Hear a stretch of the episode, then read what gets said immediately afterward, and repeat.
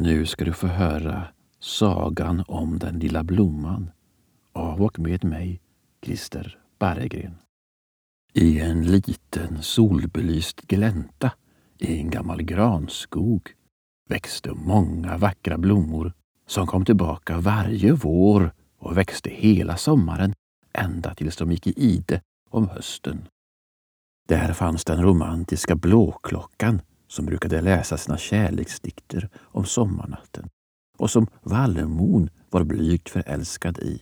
Där fanns också prästkragen som var en riktig äktenskapsmäklare.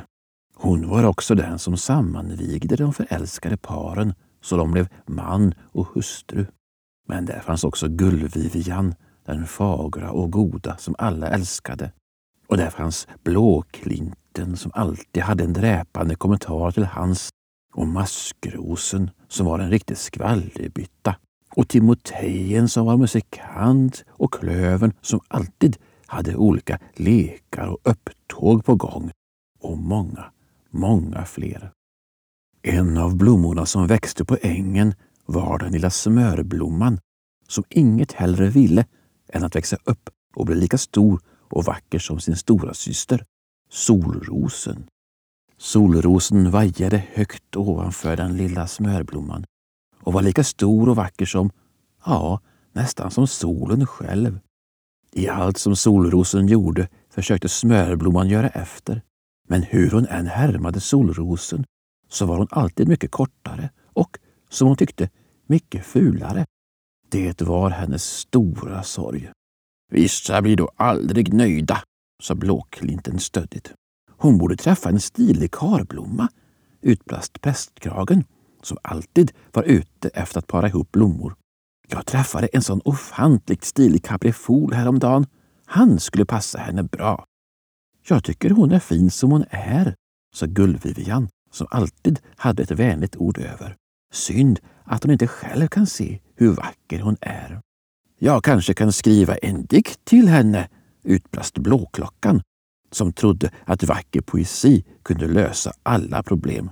Och Timotejen kanske kan göra musik till den, fortsatte han och Timotejen nickade ivrigt. Vallmon bara suckade och tittade förälskat på sin poet och hade egentligen ingen aning om vad de andra pratade om.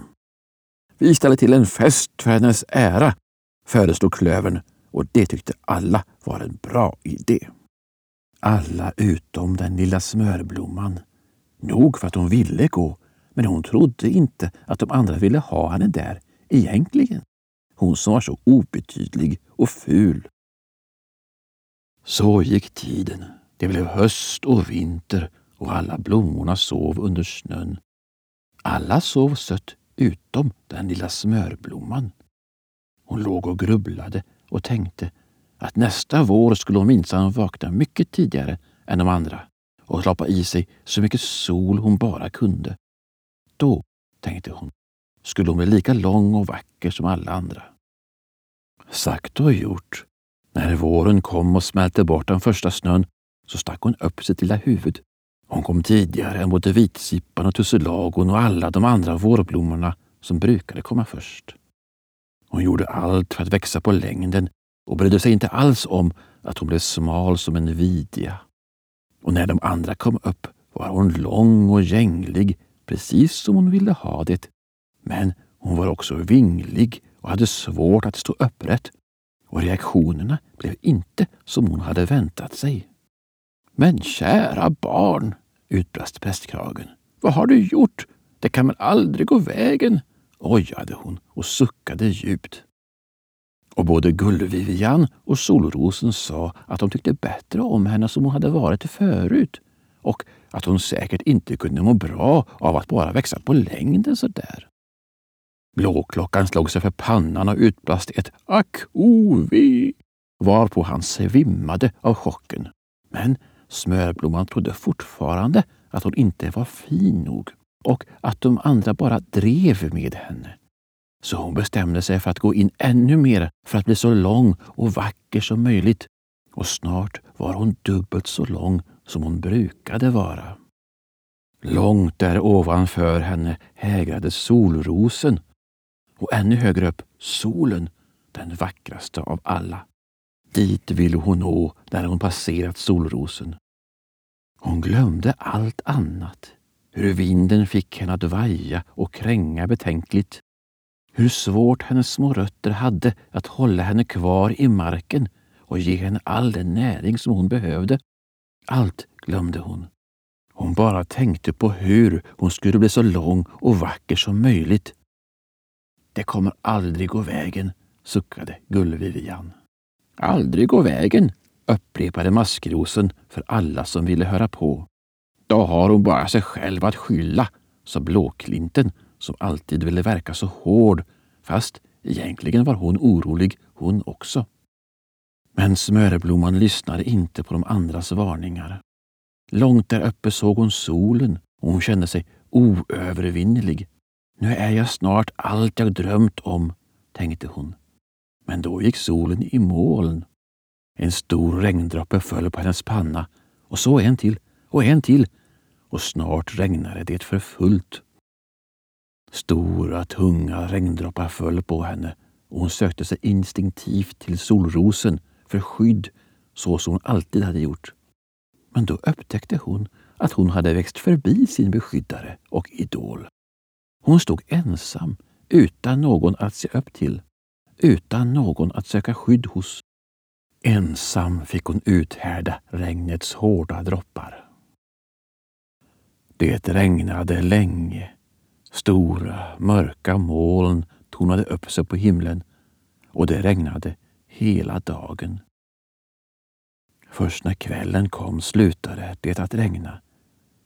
Och då de andra blommorna tittade fram under sina blad låg den lilla smörblomman död på marken med sin långa, smala skälk knäckt.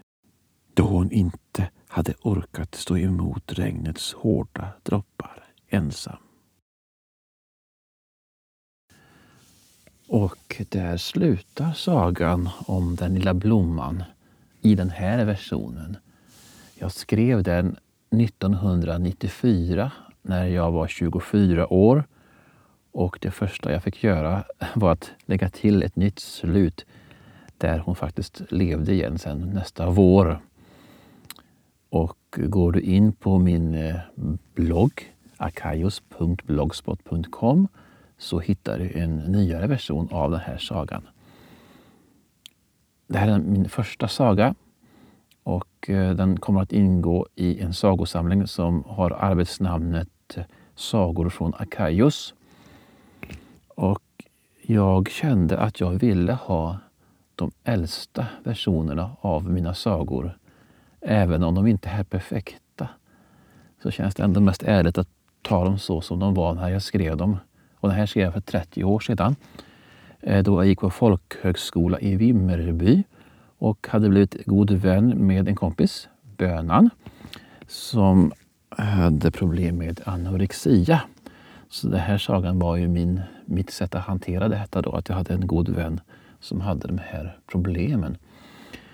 Så Smörblomman är då min vän som jag fortfarande är vän med 30 år senare, även om vi mest är Facebookvänner nu för tiden. Eh, men det slutar i alla fall lyckligt i det verkliga livet. Och jag har också en cameo-roll här för att eh, Blåklockan som tror att vacker poesi kan lösa all världens problem, det är jag. Så den första sagan i sagosamlingen i sin allra första tid, första version. Och nästa saga, mm, det får vara bra.